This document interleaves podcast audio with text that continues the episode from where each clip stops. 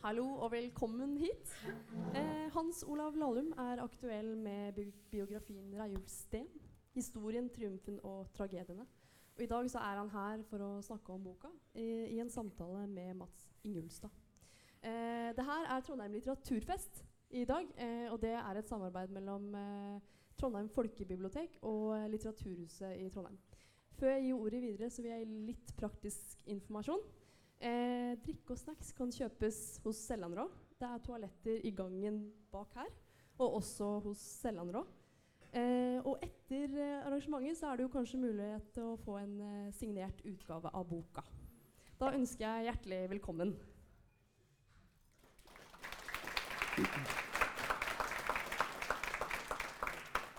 Takk, det holder. Det sier jeg alltid når applausen dør ut. Ja. Ja, det er jo en uh, stor glede å ønske velkommen til um, dette bokbadet uh, med Hans Olav Lahlum. Jeg går ut fra at uh, han ikke trenger noe, noe videre introduksjon som, som forfatter, som sjakkentusiast, som politisk engasjert menneske. Eh, han er jo også en av norsk papirindustris eh, beste venner, eh, eh som eh, vi ser her, og bidrar også betydelig til karbonlagring i, i norske hjem. og det, det, spørsmålet som, som da eh, reiser seg, eh, er altså Selv om du er en, den norske mursteinsbiografiens eh, kanskje fremste eh, forsvarer, så hvorfor, hvorfor, valgte du etter, etter Torp og, og Li å skrive en bok om, om Reiulf Steen, mm. og, som kanskje for, for eh, de av oss som er født etter hans storhetstid, eh, framstår som en litt sånn perifer skikkelse i, i, i, i norsk historie? Ja. Uh, bare en liten saksopplysning. Norsk papirindustri er utkonkurrert for lengst, så den er tykt i Litauen. Men, men, uh, men, uh, men Det var nå bare en, en, en liten korrigering. nei, altså det Kanskje var det litt tilfeldig, men, men jeg traff han jo første gang i 2002, da jeg jobbet med hovedoppgaven min. Og Da intervjuet jeg mange av de den gang gjenlevende. Veldig fascinerende reise som jeg også har hatt stor nytte av på dette prosjektet. Jeg fikk jo da snakket med en del av de som da var i live, som ikke nå er i live. Eh, og, Han var veldig begeistrende. Det var et møte som skulle vare en time på hans kontor i Norsk Folkehjelp. Vi ble sittende i to og en halv time. Og eh, jeg opplevde nok mye av det samme som mange andre opplevde i møte med han. Han var veldig begeistrende, fremsto som veldig interessert.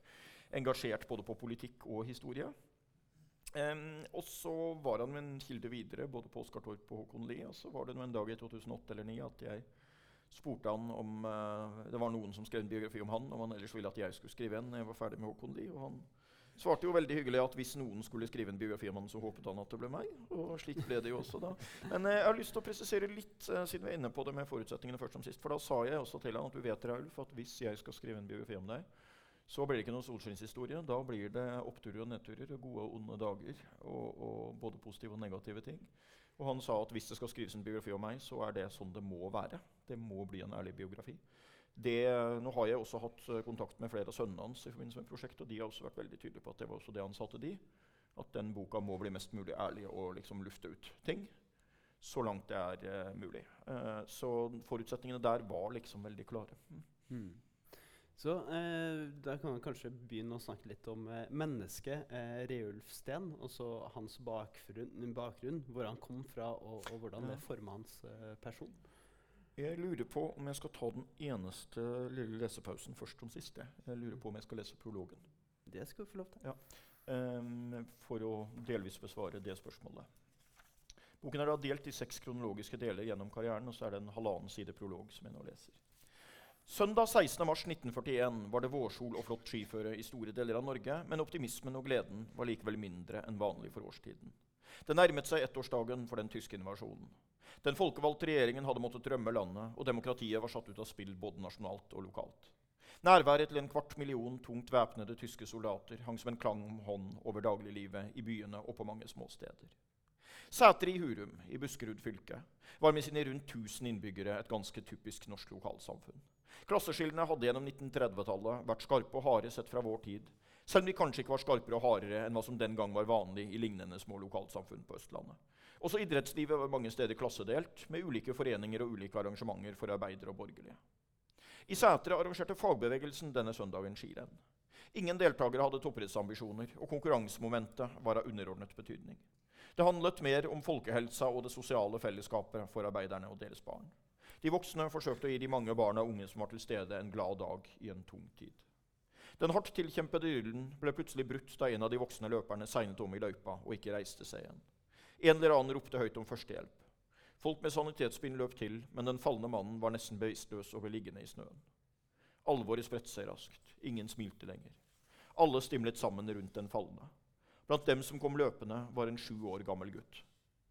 Hva skal det bli til med deg nå, da, gutten min? hvisket mannen i snøen da han fikk se sjuåringen. Så mistet han bevisstheten helt. Hektiske forsøk på gjenopplivning mislyktes. Fabrikkarbeideren, fagforeningsmannen og lokalpolitikeren Nils Steen døde der i skiløypa, 41 år gammel. Kanskje var ikke historien om hans siste ord akkurat slik den yngste sønnen senere husket dem. Guttens bestevenn, som hadde stått sammen med ham i målområdet den dagen, kunne senere ikke skjønne at de rakk å komme nær nok til å kunne høre hva den falne sa, hvis han i det fikk sagt noe. Men de detaljene er kanskje heller ikke så viktige. Det var slik den sjokkerte sønnen senere kom til å huske omstendighetene rundt sin fars død, og dødsfallet kom selvsagt til å prege ham og den gjenværende familien sterkt. Nils Stens plutselige og altfor tidlige død ga stor grunn til uro for fremtidsutsiktene til hans tre mindreårige barn. Han døde uten å ane hvilke høye posisjoner og hvilken betydning hans yngste sønn mange år senere skulle få i norsk arbeiderbevegelse. Farens død ble den første tragedien i livet til arbeidersønnen Raulf Steen, men langt fra den siste. Det er historien om Raulsten, slik den på sett og vis starter. Mm. Um, og dermed er jo litt av spørsmålet ditt uh, på sett og vis besvart. Han kom fra grunnfjellet, eller hva man vil kalle det, i grunnplanet i den norske arbeiderbevegelsen. Man snakket av og til om de magre menn, som var de som var født i disse smale, trangbodde arbeiderboligene. Jeg har lyst til å nevne en liten ting, selv om det for så vidt er fra tiårene før han uh, ble født. Han ble født i 1933, det året på 1900-tallet hvor det ble født færrest barn i Norge. Altså Det er en krisetid man blir født inn i, hvor fremtidsoptimismen er veldig liten. i store deler av arbeiderbevegelsen. Eh, hvis man går tilbake til disse arbeiderboligene Han ble født i en ettroms arbeiderbolig. Eh, og uten innlagt strøm og vann. Og Hvis man går tilbake og ser på bilder fra disse arbeiderboligene på 1910-tallet eller 20-tallet, så er det veldig lite kultur der. De har ikke bøker, de har ikke råd til å ha noen form for type malerier eller bilder og sånt på veggene. De har veldig ofte potteplanter i vinduene. Nå skal jeg stille en eneste spørsmål til publikum i dag. Er det noen som vet hvorfor det var potteplanter i vinduene på disse arbeiderboligene? Det har nemlig en veldig konkret hensikt. Hva? Nei, nei, ikke det og ikke surstoff. De er til begravelser. Eh, fordi det hører så å si i disse trangbodde arbeiderboligene til årstidens orden at barnet til en eller annen av naboene der dør. Man har ikke penger til å kjøpe blomster hvis barnet til naboen dør. og Derfor har man potteplanter i vinduene for å ha til begravelsen. Som er en sånn konkret illustrasjon av hvor langt inn i hverdagen til folk alvoret gikk på det. Det var på en måte miljøet Raulsten da vokste opp i. Og familien falt jo da ned i dyp fattigdom etter farens eh, plutselige eh, død. Jeg har da ikke engang nevnt at søsteren allerede før det hadde hogd fingeren av. Eh, ganske tidstypisk ulykke hvor et lite barn skulle passe et veldig lite barn eh, med, i et vedskjul for sikkerhets skyld med en øks i nærheten. Og denne fireårige jenta som ikke forsto alvoret i situasjonen, hogde da fingeren av ham. Eh, han brukte, det hadde han et humoristisk forhold til. Han eh, nevnte selv senere at han ikke rettet noen moralsk pekefinger mot noen siden han ikke hadde pekefinger. Eh, så det er en sånn galgenhumoristisk greie som på sett og vis følger Raul Steen gjennom hele livet. Men, men farens død var selvfølgelig en veldig stor tragedie og en økonomisk krise for familien. Eh, og den ble jo også da preget videre av at han gjennom oppveksten så var det jo da den sju år eldre storebroren som inntok farsrollen eh, for ham på mange måter, og også en forsørgerrolle for familien. Han døde da han var 29. Eh, slik at eh, tragediene kom inn veldig eh, tidlig.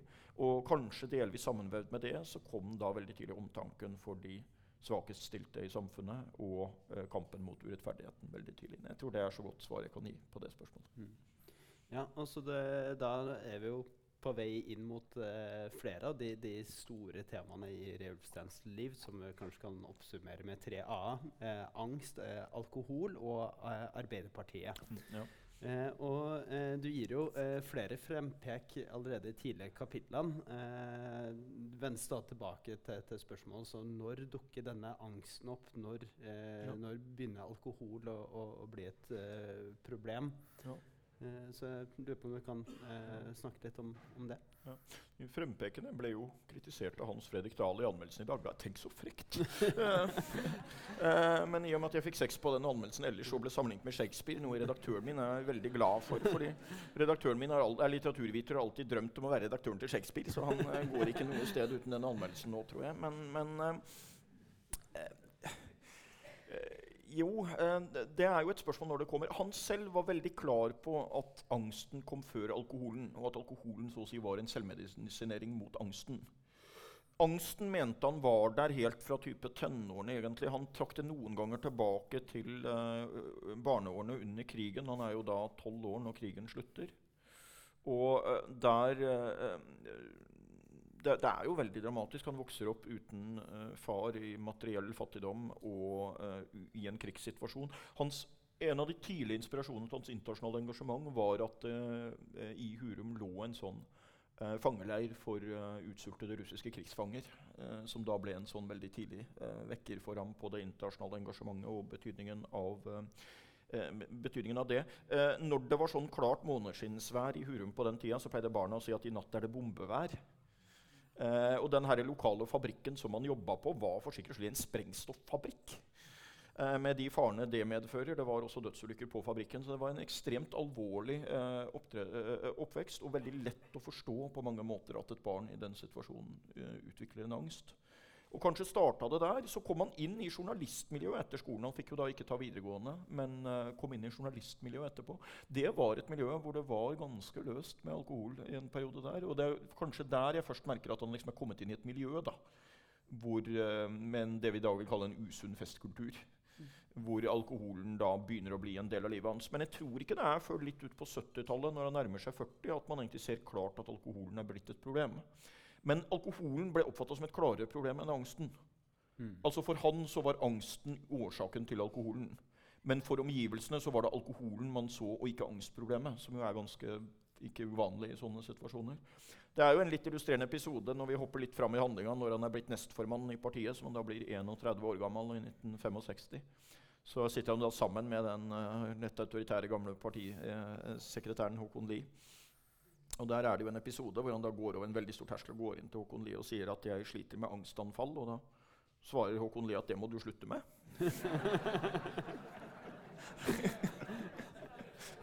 og det og det, Du kan si at det er litt Håkon Lie, men det er nok ganske mye tid. altså Dette var et tabuemne man ikke snakka om. At menn i høye posisjoner liksom skulle sitte der og snakke om angstproblemer. og den type ting, Det var nok en ganske tenkelig situasjon. Ja. Eh, ja, eh, som, ehm, eh, som menneske eh, så hadde han også en eh, eh, hva skal vi si, en, en, en trø, et trøblete forhold til, til sin familie. Det, det starta kanskje allerede ved, ved hoggestabben, men, men også eh, han, han Han hadde et veldig godt forhold til eh, både mora og søstera. Så Mm. den hoggestabbe-episoden eh, hadde han et avslappa forhold til. Men det var andre ting som ble tenker jeg på, på eh, den familien som han, han selv bygger opp eh, ja, etter hvert. ja, ja, ja, den blir krevende. Der tror jeg jo da at det på en måte også er et litt typisk problem. fordi det var nemlig en tid Det er jo litt artig da, det er en regjering han sitter i i 1971-72 som avkriminaliserer samboerskap i Norge. Altså Samboerskap var kriminalisert på 60-tallet. Um, og det er litt artig, I 1968 så går avtroppende kriminalsjef i Oslo ut med det som så fint kalles en politifaglig anbefaling til politikerne. Og det at Han mener at de bør innføre et klart lovforbud som sier at kvinner som har født et barn, ikke får lov til å gå ut i noen form for lønnet arbeid før det yngste barnet har fylt 15 år. Det skal da være kriminalitetsforebyggende tiltak. Sånn at det var et ekstremt eh, mannsdominert eh, samfunn i så måte. Eh, og det var jo også et fenomen som for mine foreldre opplevde. At når man da ble sammen med noen og fikk seg en kjæreste, så kom veldig fort dette presset. Skal man ikke gifte seg da? Dette ser jo ganske bra ut. Dere har jo vært sammen i flere måneder. Eh, man kan jo ikke bo sammen før man gifter seg. Og det, og det var veldig mange som ble fanget i den fella der. ikke sant? At du gifter deg tidlig, du får barn tidlig. Og så er det veldig høy terskel for å skille seg, særlig når du har fått barn. Og I ettertid så var det en veldig klar konklusjon for han at det ekteskapet skulle vært oppløst mye før. Men så var det også da en veldig krevende situasjon. Han ble da far i, i 61 som 28-åring. Og, um, og kona forgudet han jo. Altså Den første kona hans, Liss, er jo hans aller mest lojale støttespiller. Ikke bare frem til skilsmissen, men faktisk også etter skilsmissen, som det er noen eksempler på i boka. Så det er klart at det var jo en veldig krevende situasjon. Og dessverre så ble jo situasjonen at man fortsatte, at man fikk stadig flere barn. Og at uh, begge parter utviklet et alkoholproblem, som definitivt er en krevende situasjon. Dessverre. Mm. Ja, hun, hun, var vel ikke bare lojal mot uh, partimannen, men, men også selv, selve mannen sin? Ja, i helt ekstrem grad. Mm. Um, det er jo en veldig gripende historie. Der hadde jeg noen etiske dilemmaer. Andre ting jeg ikke hadde så store etiske dilemmaer på, men der hadde jeg et etisk dilemma. uh, nei, jeg hadde et etisk dilemma der, men det løste delvis sønnene for meg. fordi han eldste sønnen Robert gikk jo ut i pressen og fortalte at moren også hadde hatt alkoholproblem. Og det visste jeg, men det opplevde jeg som litt problematisk å skrive om før familien hadde bekjentgjort det. Men da de hadde det, så følte jeg jo at den døren var åpnet ganske kraftig. Mm. Um, og uh, Nei, det er jo en veldig merkelig historie og en ganske enestående oppvisning i kvinnelig lojalitet. Og det er jo noen sånne paradokser her. På midten av 70-tallet sitter han som formann i Likestillingsrådet. Uh, og likestillingen på hjemmebane den er det svært dårlig med. Uh, og det innrømmer han også åpent i intervjuer på denne tiden. Eh, og det er jo et veldig sånn merkelig menneskelig drama når han da ligger i en skilsmissesituasjon. Eller hun, Kona hans mistenker at uh, han er i ferd med å innlede et forhold til en annen dame. på, det er i 1976-77. Da ringer kona hans til denne dama uh, og opplyser henne om at han er helt umulig å leve sammen med uh, pga. disse sidesprangene. Uh, og det i seg selv er jo en veldig spesiell situasjon. Uh, men hun sa, selv etter skilsmissen og med det, så sa hun altså aldri et negativt ord om han. Tvert imot så håpet hun hele tiden på at han skulle komme tilbake. Og hun beholdt etternavnet hans til hun døde 49 år gammel. Så det var, en, veldig, uh, det var en ny tragedie i livet hans, da. Mm. Selv om de da var skilt. Ja, eh, Du kom inn på, på, sidesprang, og det er noe det har vært spekulert mye i. opp både mens han var politisk aktiv, og, og etterpå. Og det var det var veldig mange forhold han skulle ha hatt. Uh, ja, ifølge rykter så var det snakk om hundrevis av damer. Um, og det var det ikke. Men det var snakk om flere. Mm. Opptil flere. Jeg hadde et lite dilemma med den første kjæresten, den første offisielle kjæresten hans. Det var jo da før han traff kona. Det var en riktig turbulent uh, historie.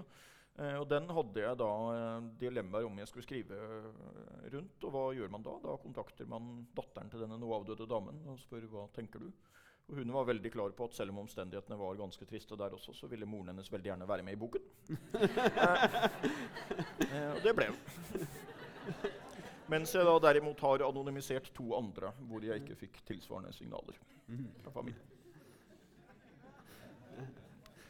Ja, eh, han hadde jo også en, en en del personlige egenskaper som, som, gjorde ham i stand til kanskje å bli en slags Arbeiderpartiets Rune Rudberg. så, ja, jeg um, tror ikke jeg vil sammenligne de to altfor langt. Også, men, uh, nei, ja. De var begge ganske flinke til å synge. ja, Det var ikke primært syngingen som var greia. Nei, Han snakka med kvinner og ikke til kvinner i en tid hvor veldig mange menn i høye posisjoner snakka til kvinner og ikke med kvinner. Han var jo en pådriver for å få kvinnene opp og frem i partiet. Altså, det var jo en del av analysen hans at partiet, at partiet var alt altfor gammeldags. Og, uh, og, og, og treigt, altfor mannsdominert, uh, altfor sentralistisk, altfor lukka. Altså den, han, det, det, første landsmøtet etter at han var nestformann, var det første landsmøtet i Arbeiderpartiet som var åpent for pressen. Uh, og det var jo et veldig lukka oligarki han kom til. Det er en litt sånn illustrerende episode der hvor han mektige LO-formannen Konrad Nordahl får et opposisjonelt forslag mot seg på et representantskapsmøte i LO. Og Da ser han ned på forslagsstillerne og så sier han, det forslaget der, det må du trekke. Ellers må vi stemme over det. Sånn at det var eh, ganske hardt med hersketeknikker og sånt fra de gamle gutta i, uh, i, partiet og bevegelsen. Og han ble jo da en viktig fornyer der. Få kvinnene fram, få nye grupper av akademikere inn. Selv om han alltid var ambivalent på det. Han hadde en veldig sterk sånn fabrikkarbeideridentitet. Og grovt sagt så var han veldig positiv til å ta inn akademikerne, men han ble ganske skeptisk da de ville ha lederverv. Så det var jo også et av paradoksene i det. Men han ble jo en veldig viktig fornyer av Arbeiderpartiets hånd. Mm. ja så når det, du, du, snakker om at han er, er veldig viktig for å få kvinnene inn, og så har, har han samtidig en, en, en litt sånn overdreven omgangsform med, med flere av disse kvinnene. Han ble opplevd av noen som litt ubehagelig nærgående. Ja. Det er jo, så vidt jeg vet, seinere i karrieren, for så vidt. Men vi kan godt ta det med en gang. Mm. Det blir en liten debatt om det der også på lanseringen. Uh, Harald Stangele var ute og mente at jeg ikke burde nevnt at han som komitéleder i uh, Stortinget på begynnelsen av 80-tallet så opptrådte han det vi kaller uønsket oppmerksomhet eller påtrengende oppførsel overfor et menig kvinnelig medlem fra Arbeiderpartiet. Ja. Og det var også en episode senere på 90-tallet da han var ambassadør i Chile med tilsvarende problematikk. Det var samme mønster. Han drakk for mye. og så når han, han var i utgangspunktet fysisk. altså Han ga gjerne klemmer til mennesker av begge kjønn. tok gjerne om folk Og, så og når han da hadde drukket litt overfor kvinner i noen situasjoner, så, så tok det av at han ble veldig fysisk.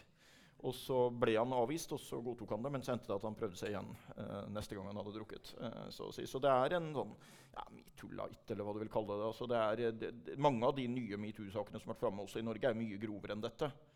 Men det var en helt klart uønska og for så vidt uakseptabel uh, oppførsel. Men jeg tenkte at altså, før metoo hadde jeg nok sannsynligvis tatt det med. Etter metoo så var det aldri noe jeg vurderte å ikke ta det med. Altså Kirsti Kolle Grøndal, som jo er navngitt i boken som denne kvinnen som ble utsatt for det da han var komitéleder i Stortinget, fortalte meg det. Og jeg tok det med. Jeg sjekka med henne at det var greit, at ordlyden var greit og, og alt. Og så um, Ja, og så um, uh, Jo, og så um, ble jeg jo da kritisert på lanseringa for det. Så er det sånn, ok, Hun har fortalt meg at han hadde den type oppførsel overfor henne da han var komitéleder i Stortinget. Og jeg skulle da la være å ta med det.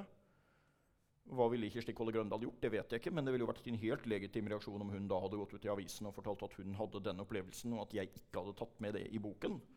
Og så skulle jeg liksom ta og si å, det, ja, det nevnte hun, men det tenkte jeg, det var ikke noe vesentlig å ha med her. Liksom. Altså, det ville jo vært en helt håpløs oppførsel. Så det var jeg i hvert fall aldri i tvil om at måtte med. Mm. Men samtidig så må det jo ikke overdramatiseres. da. Altså, det, det, og det var utslag av en ukultur i tiden hvor man aksepterte at ikke minst mannlige politikere tok seg mer friheter enn de gjør i dag. Ja, det er jo særlig én kvinne som ble eh, utsatt for hans eh, forsøk på sjarm, eh, eh, hvor det utartet til eh, en, en, ganske bitter eh, personkonflikt med, med, tiden. Mm. en anonymisert statsminister. ja. Ja, ja og, og, det er jo en, en, ganske spesiell historie i seg selv. Også, uh, her ja. er jo hun en representant for nettopp det han ønsker å åpne opp for. Også en, ja. en akademiker, en uh, miljøbevisst uh, kvinne eh, som er ambisiøs og, vi vil opp og frem, og, og, som han egentlig vel har en, en slags grønn allianse med politisk i, i den ja, 75, 76, 77 er det veldig godt forhold mellom de på bl.a. Uh, grønne verdier og vern og, og uh, moderat tempo i oljeutbygginga og, og, fornyelse av partiet og det ene med det andre. Og I den perioden så ser man ofte at de to søker sammen mot uh, Oddvar Nordli, som jo da er statsminister. Så på, på, når Gro er på vei opp, så er Raulf en pådriver for henne. Og han ble kanskje helt avgjørende for at hun overlevde som miljøvernminister. Hun vant med én stemmes overvekt uh, en veldig viktig avstemning for henne i stortingsgruppa om uh, vern av Hardangervidda, som hun ikke hadde vunnet uten han. selvfølgelig. Så på det tidspunkt så er det sånn. Og så er jo han formann, og hun er nestformann i partiet. Og det er, som du er inne på, det er jo to versjoner i ettertid. da. Han hevder at de hadde et forhold, eh, romantisk forhold en periode der. Hun er veldig bestemt på at det hadde de ikke. Det jeg finner i boka, Jeg legger frem begge versjoner. Og så har jeg et par observasjoner fra andre av episoder hvor han prøver seg og blir avvist. Men det er så langt jeg kan trekke det. Uh, det kan jo ha skjedd noe. selvfølgelig. Altså, jeg har ikke hatt noe forhold til noen av mine kvinnelige redaktører, men den som skal påta seg å motbevise det, skal jo få litt av en jobb. Altså, det er jo naturlig veldig vanskelig å motbevise at personer som reiser, på, reiser sammen, jobber sammen osv. på et eller annet tidspunkt har hatt et uh, kortvarig forhold. Så det, det, det, er jo vanskelig sånn. Men jeg var vel egentlig ikke regnet jo med at det ville bli etisk debatt om dette, men jeg var egentlig litt overrasket at det kom så veldig på det. Fordi altså, hvem er det egentlig jeg har krenka her, da? Altså, Reiulf ga meg i oppdrag å skrive denne boka, og vi var skjønt enige om at da må det være en mest mulig ærlig biografi. Han ga meg sin versjon, han ga meg fullmakt til å vurdere om den skulle med i boka. Og det var han som skapte denne eh, forvirringa og sørga for at disse ryktene så å si kom ut og ble det eh, store temaet de ble, fordi han skrev om det i boka 'Maktkamp' i 1989. Og der ola han seg på en veldig sånn mystisk, uklar måte, nevnte ryktene uten klart å avvise de. Og så ble han spurt på pressekonferansen om han hadde vært sammen med Gro, og da svarte han sånne spørsmål bør ikke politikere svare på. Som jo er en ekstremt effektiv måte å legge et sånt rykte dødt på. selvfølgelig. Det fører jo da til at det går videre. Så han skapte det jo og ga meg fullmakt til å ta det med og uh, ba meg skrive en ærlig biografi. Gro har jeg diskutert det med og vist denne versjonen. Hun har ikke kommet med noen form for innsigelser. Hun har bare bedt om å få med sin versjon. Og understreker veldig sterkt at det var ikke noe, men hun var helt innforstått med at det måtte omtales i boka. og hadde ingen innvendinger mot det som sto der. Barna hans har jeg snakka med. De har godkjent den versjonen som står. eller To av sønnene har lest gjennom og godkjent det. Og de er også veldig klare på at de også for egen del ønsker en mest mulig ærlig biografi som besvarer flest mulig spørsmål. Så hvem i all verden er det jeg egentlig har eh, så å si opptrådt uetisk mot? Da? Det skjønner jeg ikke helt. Men jeg skjønner godt at det ble etisk debatt ut av det. Mm. Eh, eh, en, en, ting er jo spørsmålet bare om denne relasjonen mellom dem i seg selv, og også maktkampen eh, ja. eh, som utviklet seg eh, siden.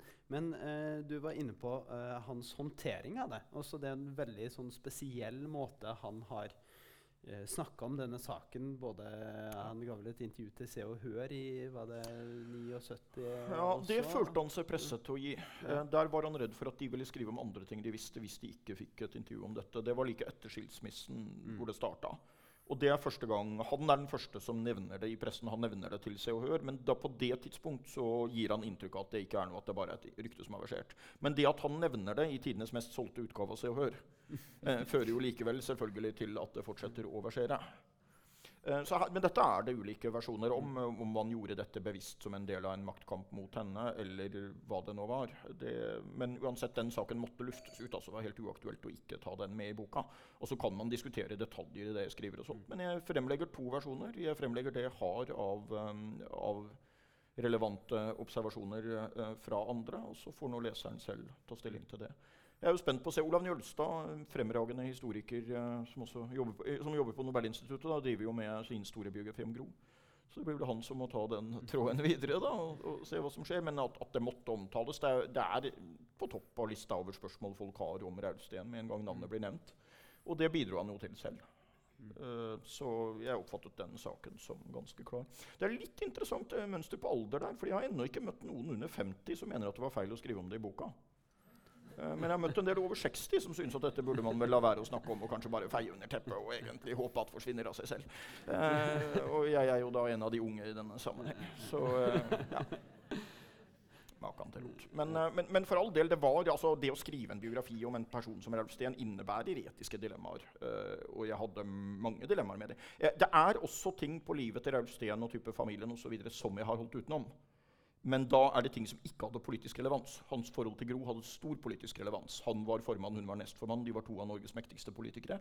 Og historien slutter jo med at han motvillig må gi seg som partiformann i 1981 på våren, og at hun overtar som partiformann, og at han senere hevder at det var en maktkamp hvor hun trakk i trådene, og han ble skjøvet ut. Så forholdet mellom dem har ganske stor relevans for de politiske begivenhetene her. Altså. Ja. Jeg syns jo for øvrig det er ganske spesielt uh, at uh, her er det to mennesker på toppen av, av Arbeiderpartiet, og, og, kampen står også om uh, formannsvervet, eller partiledervervet, som ble hetende, og, og statsministerjobb. Og, og, så er det likevel et ideal som i hvert fall Gro er, vil framstå som at hun ikke er en del av en maktkamp, og at nettopp det er beskyldningen fra, fra Reiulf Steen. Ja. Eh, det der er jo interessant, og det ble også et av de store spørsmålene. da, I hvor stor grad um, opptrådte Gro så å si manipulerende? I hvor stor grad deltok hun selv i aksjoner? Reiulf mistenkte veldig sterkt at hun gjorde det, og skrev det i selvbiografien sin. At, at det hadde vært en maktkamp, og at hun hadde spilt en veldig aktiv rolle.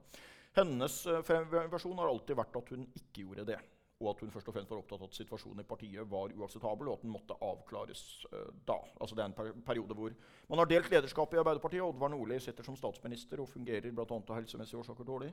Raul Steen sitter som partiformann og har et problem med alkohol og det ene med det andre, og ting flyter, bokstavelig talt. Mm. Um, det er jo også denne fascinerende togturen da, til Trondheim i 1979, hvor partiledelsen skal starte valgkampen med å ta togtur til Trondheim. hvor... Uh, flere, inkludert de to nevnte personene, begynner å drikke ganske tett før Hamar. Eh, hvor det eneste som redder at man unngår en skandale, er at disse pressefolkene som er med, også er fulle. Eh, sånn at eh, det er jo en uh, ganske fascinerende situasjon. Uh, så, um, så det er jo mye på en måte trist her, og mye menneskelige problemer. og sånt. Men det, eh, jeg hadde en, jeg har lyst til å nevne her, jeg har jo intervjuet mer enn 100 personer i arbeidet med denne boka. Jeg hadde én sånn fascinerende historie der, fordi høsten 1980 er det såkalte redaktøropprøret i Arbeiderpartiet. Og da skjer det noe som ville vært helt utenkelig tidligere. Nemlig at en, en rekke aviser eh, dels i, på Vestlandet og dels i Nord-Norge begynner å skrive på lederplass på omtrent samme tid at man bør få endringer i partiledelsen på det kommende landsmøtet, og at partiformannen bør gå av, sies ganske tydelig. Og Det var totalt brudd med den partilojaliteten og lojaliteten til ledelsen som man tidligere hadde forventa fra A-pressen.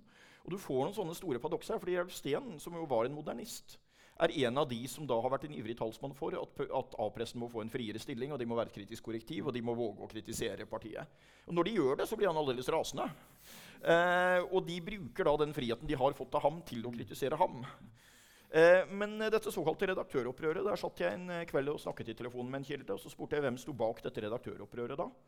Og så sier han at det var Arvid Kristiansen på Arbeidernes Bestekontor, det var Reidar Nilsen, redaktør i Nordlys, og det var Per Oskar Figenschou, redaktør i Finnmark Dagblad. Figenschou lever. Og så spratt jeg opp i stolen og sa jaså? eh, og siden jeg også bruker litt sånn journalistisk metode her, så ringer jeg jo umiddelbart til Per Oskar Figenschou, som står i telefonkatalogen, eh, og spør om jeg kan få stille ham noen spørsmål om hans rolle ved redaktøropprøret i 1980. Og han svarer absolutt. Og første spørsmål er jo da var det en koordinert aksjon fra dere redaktørene for å felle Raulf Steen, og han svarer ja, selvfølgelig. Uh, og andre spørsmål er da var dette på noen måte koordinert med Gro Harlem Brundtland. Og han svarer selvfølgelig ikke. Hun kunne ha stoppet oss. eh, og tredje spørsmål er da hvorfor ville dere så absolutt bli kvitt Raulf Steen? Og han svarer for å bli kvitt Oddvar Nordli. og bitene falt på plass i hodet. Det stemmer veldig godt med bildet for øvrig. Eh, det var primært statsministeren som var bekymringa, men de var misfornøyd med Raulf Steen, og de ville ha Gro Harlem Brundtland opp. Og Gro Eh, posisjonerte seg, er det riktige uttrykk å bruke. Hun var interessert i å bli både partiformann og statsminister. Hun posisjonerte seg for å være i posisjon til det. Men jeg tror ikke at hun integrerte aktivt og ikke på noen måte styrte disse ulike misnøyeaksjonene som kom. Mm. Så han, han, falt jo da på en måte litt for, for eget grep, både oh, ja. med, med, med, kvinner og, og, og pressen. Eh, han var jo en person det var veldig vanskelig å, å forholde seg eh, likegyldig til. Eh, altså Enten var det vill begeistring, eller så var det uh, dyp uh, avsky. Og noen gikk jo fra begeistring til, eh, til sterk, sterk misnøye. Ja. Um, kan du, og, og, det gjaldt vel også folk på helt andre sida av det politiske spektrum, som Carl I. Hagen og Ja, Carl I. Hagen gikk jo til begeistring. Ja. Eh, altså, han var jo begeistra for Raul Steen som visepresident i Stortinget. Vurderte jo til og med å felle Jo Benko for å få satt inn Raul Steen som stortingspresident. fordi han syntes, eh, Selv om det var større politisk avstand, så var Raul Steen så mye mer imøtekommende og vennlig ovenfor ham. Uh, men Erøv Steen var en ihuga demokrat, og det var han veldig opptatt av. Så jeg tror nok når Det gjaldt det at det virker jo litt rart at han var så godt på talefot med Carl I. Hagen som han var. Men det ene elementet for han var nok rett og slett det demokratiske at disse Frp-erne på Stortinget sitter her som folkevalgte. De har krav på respekt som det. Og det andre var at han hadde en litt sånn skrekkblanda fascinasjon også for partier han var uenig med. altså Alt politisk interesserte ham. Og Frp som fenomen interesserte ham og fascinerte ham, selv om han var helt uenig med hva de sto for politisk. Og ikke minst da det for ham helt grusomme fenomenet at et parti langt ut på høyrefløyen med innvandringsfiendtlig retorikk og det, begynte å ta en del velgere som tradisjonelt hadde stemt Arbeiderpartiet og vært tilhengere av velferdsstaten og fellesskapsordninger og dette. Det fascinerte ham, og det bekymret ham. Mm. Og, og, selv om da han da eh, og så framstår i hvert fall noe som er litt sånn polariserende, så har han jo også et uh, ry som kompromissmaker. Ja da, og han var en veldig stor kompromissbygger internt i partiet. Tidvis for stor. Altså Det ble en kritikk av han at han var konfliktsky. Og Det er det jo ingen partileder senere som er blitt beskyldt for å være. liksom. Så.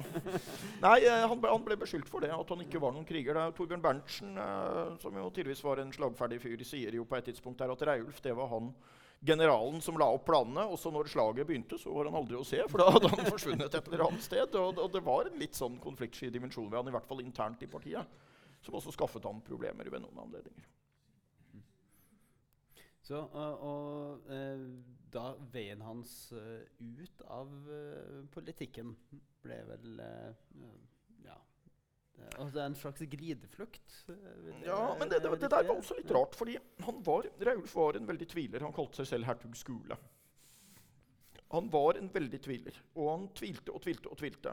Uh, Ronald Bye, som var en ganske skarp eh, partisekretæren fra den gang, som er en ganske skarp menneskekjenner, har en sånn observasjon hvor han sier at Reiulf ønska seg alltid over på den andre siden av gjerdet, til et annet sted enn der han var, fordi han trodde at der var det mye bedre. Så han er en veldig tviler. Han prøver jo, han ble valgt til nestformann i partiet i 65. Han prøver før landsmøtet i 67, 69 og 71 å si at han ikke ønsker gjenvalg, men han trekker det alltid tilbake. Så På den ene sida ønsker han seg alltid et annet sted enn der han er. Eh, på den andre sida ender han alltid opp med å ta gjenvalg og ikke slippe fra seg eh, posisjoner før han absolutt må.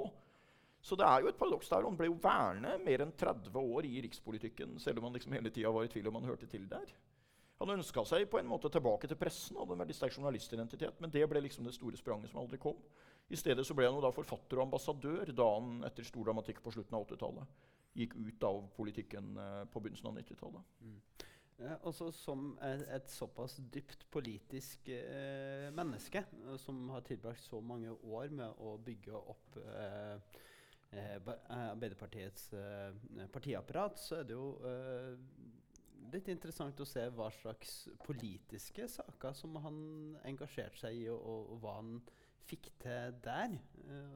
Det, det, virker jo ikke som, som, det er så veldig mye, selv om han var statsråd to ganger. Ja, men det er kanskje på noen siden mer enn man skulle tro. Altså han, I et område han fikk veldig stor betydning, var skolepolitikken. Han var en veldig viktig pådriver, leder for den såkalte Sten-komiteen midt på 1960-tallet, som endra hele planen fra at man hadde sjuårig videregående, og så realskole, og så artium og, og, og gymnas, som var en slags eliteskole, hvor en veldig liten del av befolkningen eh, egentlig tok det.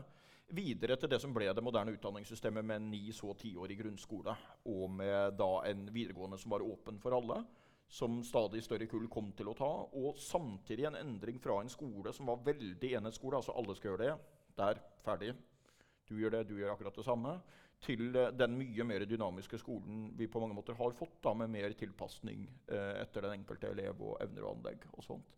Der var en veldig viktig pådriver. Viktig pådriver f.eks. For, for selvbestemt abort. Viktig pådriver for ulike sosiale reformer gjennom 70-tallet. Men han var en lagspiller, og han hadde ikke det eierskapet til bestemte saker som du typisk får hvis du sitter som statsråd en lengre periode hvis du innfører en røykelov. eller et eller annet sånt. Altså. Han huskes ikke for noe sånn bestemt lov, eh, og så men mer for prosessene. Og sånn sett var han lagspiller. Mm. Men selv om han hadde et sterkt skolepolitisk eh, engasjement, så ble jo det, han ble jo aldri eh, ansvarlig statsråd for, for, for, det området. Nei, men Det var fordi han var utmeldt av statskirka. Eh, han holdt på å bli det flere ganger, men det var jo kirke- og undervisningsminister det het den gangen. Og du måtte være medlem av statskirka den gangen, og det var han ikke. Så det var da grunnen til at han aldri ble kirke- og undervisningsminister. Det er jo Litt fascinerende og litt skremmende, på en måte, men slik var det. Ja, og departementet var ikke verdt en dåp. Han vurderte det på et tidspunkt, han vurderte, men det var noe krav om dåpsopplæring og noe sånt, hvor han eh, bakket ut og sa at dette, da får jeg heller bli samferdselsminister.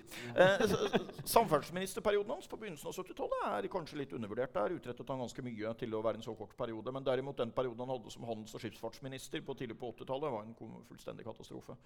Var man, eh, Han var jo for, formann i partiet samtidig, og på, på partikontoret så ble det ofte sagt 'Hvor er Reiulf?' Og så var svaret at han er vel sikkert på statsrådskontoret. Og på statsrådskontoret samtidig så spurte man hvor er Reiulf, og så var svaret at han er vel sikkert på partikontoret. da. han var jo veldig ofte ingen av stedene. Så det var jo en veldig krevende fase i livet hans. Men det, det, er jo litt rart også, for som handelsminister så du, har du jo hendene på ting som faktisk berører utenrikspolitikk. Ja, og der ja. hadde han jo et uh, enormt kontaktnett og en, ja, et brennende engasjement. Ja da, ja da. Nei, Han burde nok avgjort og fått mer ut av det, men det var rett og slett en vanskelig fase. Samarbeidsforholdene i partiledelsen på det tidspunkt var ekstremt anstrengt.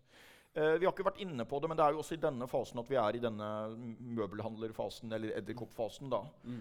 Hvor denne Arvid Engen, møbelhandleren fra Jessheim Jeg har vært ute i møbelhandleren og intervjuet enken hans. Den står der fortsatt. eh, og, og, det var jo en sak som først ble avslørt ti år senere, men hvor de skumle tingene skjedde på slutten av 70-tallet. Hvor han jo da bruker denne møbelhandleren og forretningsmannen som en mellommann til å slippe ut lekkasjer i media om interne ting i Arbeiderpartiet, som jo bidrar veldig sterkt til å forgifte atmosfæren. Og denne møbelhandleren driver jo for sikkerhets skyld og tar opp disse samtalene på lydbånd. Eh, og så er jo kaoset i gang. Eh, jeg, jeg, tror at Stein Kåre Kristiansen, gamle reporteren på TV 2, hadde en ganske god formulering der. Han var den gang journalist i VG. Og han hadde nok en ganske god formulering. Han hevdet at den møbelhandleren Arvid Engen det var Raul Steens Pinocchio. eh, altså Først var han en marionett som gjorde som Raulf sa, og liksom gå dit pressen med den lekkasjen osv. Og, så og så ble han mer og mer selvstendig og vendte seg jo på et tidspunkt også mot Raulf Steen. Hører for en sånn liten artig detalj oppi det hele at VG på et tidspunkt kjøpte ny lydbåndopptaker til møbelhandleren. Så det var jo litt av en mølje. Og det er klart det er jo en ganske paradoksal situasjon. Alle lekkasjene som kom, kom ikke fra Elvsten. Det var en periode hvor partilojaliteten hadde sluppet, og det var lekkasjer også fra andre. Men det er klart at det at partiformannen i det ene øyeblikk står i sentralstyret og sier at dette må passes godt på, her må det ikke komme noen lekkasjer til media, og så går han hjem og ringer til en fyr som han vet tar det opp på lydbånd og gir det videre til media er jo en noe krevende sak. jeg husker jo, Da dette kom fram i 89, så husker jeg jo Spellemannsprisutdelinga i 1990. Så var han Arthur Arntzen, Oluf, var gjest der. og han foreslo jo da at uh, årets uh, ærespris burde tilfalle denne Arvid Engen. For han hadde riktignok ikke utgitt noen plate, men du verden så mye lydbånd! ja, ja. ja. Så altså det var jo eh, en, en, veldig eh, evnerik person, men, eh, men med ja. Eh, store, eh, store, utfordringer og, og, og store gaver.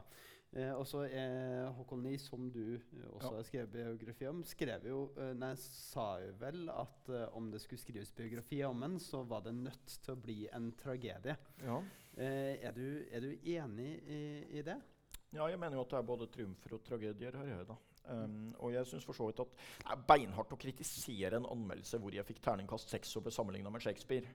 uh, så jeg har jo egentlig ikke lyst til å kritisere den der Dagbladet-anmeldelsen, som var den aller beste av de gode anmeldelsene som er kommet her. Men, men jeg mener egentlig at den overbetonte tragedieelementet litt. fordi tragediene var der, det er helt klart. Men det var jo tross alt også, hvis du tar i betraktning det ekstremt enkle utgangspunktet han hadde, og det veldig vanskelige startpunktet han fikk, så utrettet han utrolig mye. Mer enn de fleste. altså Alle disse posisjonene han nådde, alle viktige saker han var med på osv. Så, videre. så det er triumfer mellom tragediene. Jeg har lyst til å nevne at en av de siste store triumfene er jo at han til slutt vinner kampen mot angsten og alkoholen. Altså da De siste ti årene av livet så drakk han ikke alkohol og hadde et helt håndterlig forhold til sine egne nerver. Men dessverre fikk han jo Parkinsons sykdom, da, og det ble jo da den siste tragedien. Mm. Men, men uh, der ble lærdommen veldig tydelig, og det tror jeg han selv vil være veldig glad hvis noen får noe ut av å lese boken. at Fra det øyeblikk han gikk over terskelen med å oppsøke behandling, så gikk det ganske fort mye bedre med angsten og alkoholen. Men da var han 63 år. Så han hadde jo så å si forspilt veldig mange muligheter før det. For øvrig etter et gripende oppgjør med sønnen, som også er omtalt i boken. Mm. Eh, det er en, eh, en, fascinerende eh, biografi av et fascinerende menneske. Og du, du skriver vel også etterord at det har gitt mersmak ja. etter bare tre biografier. Ja. og at du har flere aktuelle kandidater på, på blokka for, for, for neste. Ja. Kan, kan, du si noe om, om hvem hvert fall som, som står på kortlista? Ja. Hvordan er det å ha taushetsplikt? Kan du fortelle litt om det? ja.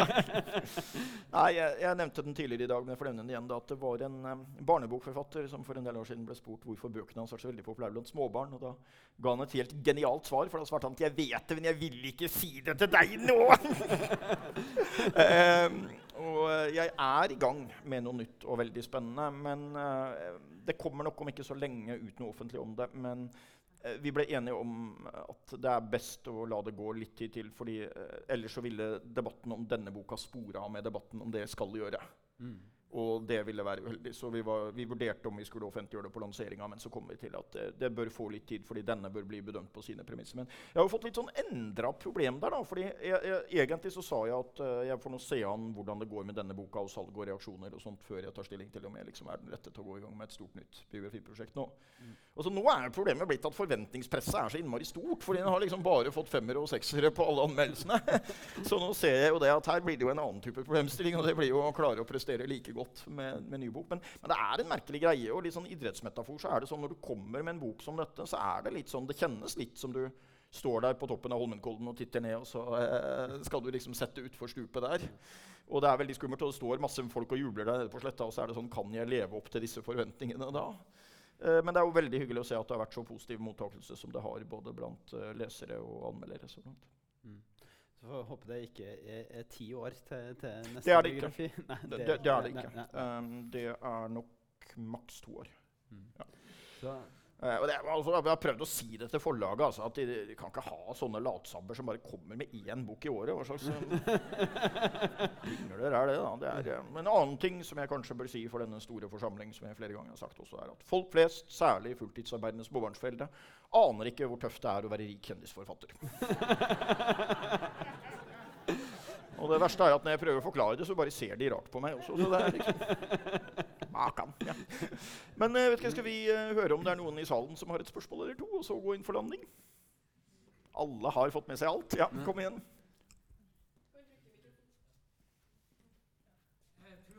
Ja, jeg hører deg. Du er nordlending. Ja. ja.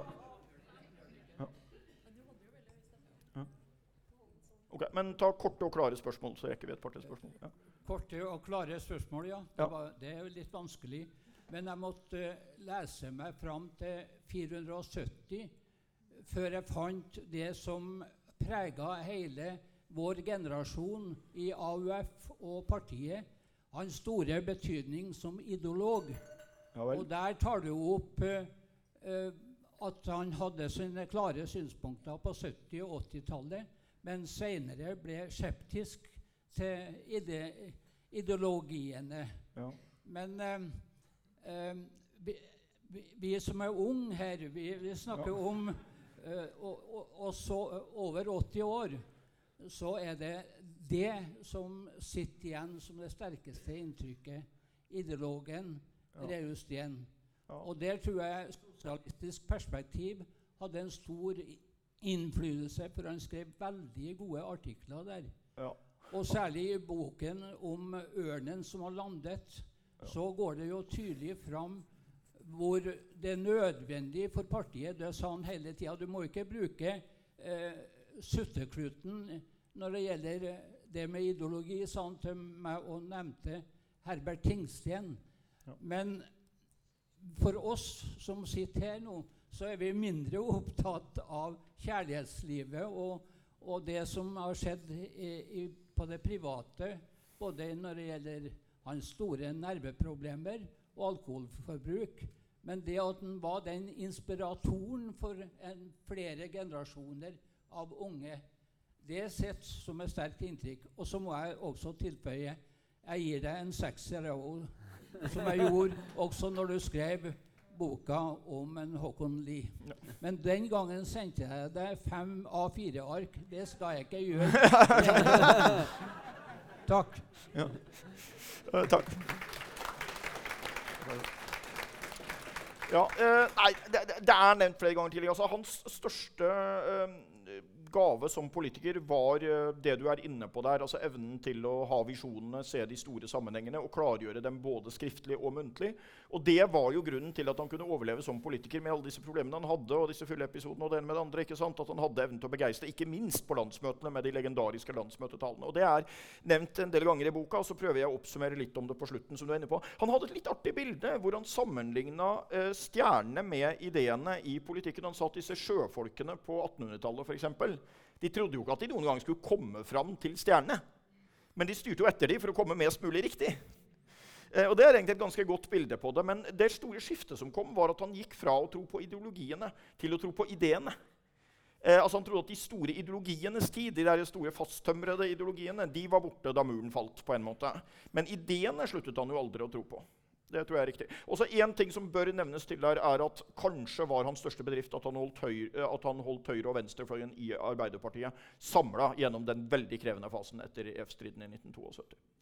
Ok, Da er vi vel i ferd med å gå inn for landing. Jeg ser ingen flere hender. Da er det Jo, det gjør jeg. Der borte, ja. Ok. Gjerne litt kortere spørsmål enn det forrige. Ja. tenkte jeg skulle spørre om uh, Reiulf Steen som diplomat. For han hadde jo ikke noe diplomatisk bakgrunn egentlig. Nei. Og så er det eksempler også på at utenriksministre blir ambassadører. Det gjaldt jo Thorvald Stoltenberg og Jan Pettersen. Eh, men uh, Reiulf Steen ble likevel ambassadør i Chile. Eh, Ja. I en periode tenker jeg hvor Gro var veldig sånn nøye på å kanskje profilere seg som eh, landsmoder. Ja. Eh, var det sånn at han eh, ble sendt ut av landet Ja. eh, til den stillingen? Frista av noen til å søke, eller hva er bakgrunnen for at Ja, Det er det et ganske klart svar på. Eh, for det første, og det så langt inn i pratet vi kommer jo ikke, men han var jo da gift med en chilensk politiker, Ines Vargas, fra begynnelsen av 80-tallet. Um, og hun ønsket nok veldig sterkt at den ambassadørstillingen i Chile kunne være uh, passende. Det var jo på et tidspunkt etter denne edderkoppsaken hvor han var blitt veldig diskreditert. Det begynte å nærme seg ny stortingsnominasjon i 93. Det var høyst usikkert om han ville bli renominert. Det som skjedde, og det har jeg ganske klart bekrefta fra alle kilder, var at han da gikk ut av uh, sentralstyret og, uh, i eh, 1990, er jo det da, etter Edderkopp-saken. Og valgkomiteens formann Yngve Haagensen sier da til Gro at nå må vi prøve å finne en passe posisjon til Reiulf. Kanskje typisk en ambassadørstilling i Sør-Amerika. Eh, og Gro sa at det var hun villig til. Eh, så det, er, det starter nok på en måte med at Reiulf og Ines Der er sammenhengen litt uklar om det var Ines eller Reiulf som var pådriveren her. Men begge var i hvert fall der at de ønska seg dit. Eh, at det ble meddelt til Yngve Haagensen, som meddelte det videre til Gro, som tok det videre til Stoltenberg. Så det er den rekka det går, og Gro aksepterer det uten noen innsigelser. Men da tror jeg at vi, vi skal rekke å signere noen bøker, og da skal jeg love at hvis noen kommer og vil ha signert en bok Jeg står borte ved bordet her, og så er det bøker til salgs der eh, borte. Hvis noen kommer og vil ha signert en bok, så skal det ikke skje det som skjedde med en av Håkon Lies uvenner. Da han stilte, stilte seg i kø for å få signert en bok, for på den boka ble det da stående til Ragnar X, som jeg aldri har tålt. Hilsen Håkon Lie. eh, og så håper jeg at jeg da ikke opplever det jeg opplevde da jeg satt og signerte bøker i, på en bokhandel i Oslo, hvor det kom inn en ukjent eldre herre, og idet han ser meg, så skvetter han til, og så utbytter han Hva?! Eksisterer du i virkeligheten?! og blant alle ting jeg er blitt beskyldt for, så er jo det å ikke eksistere i virkeligheten en litt sånn skummel greie. Men eh, da får vi håpe at det ble en innholdsrik time for folk. Ja.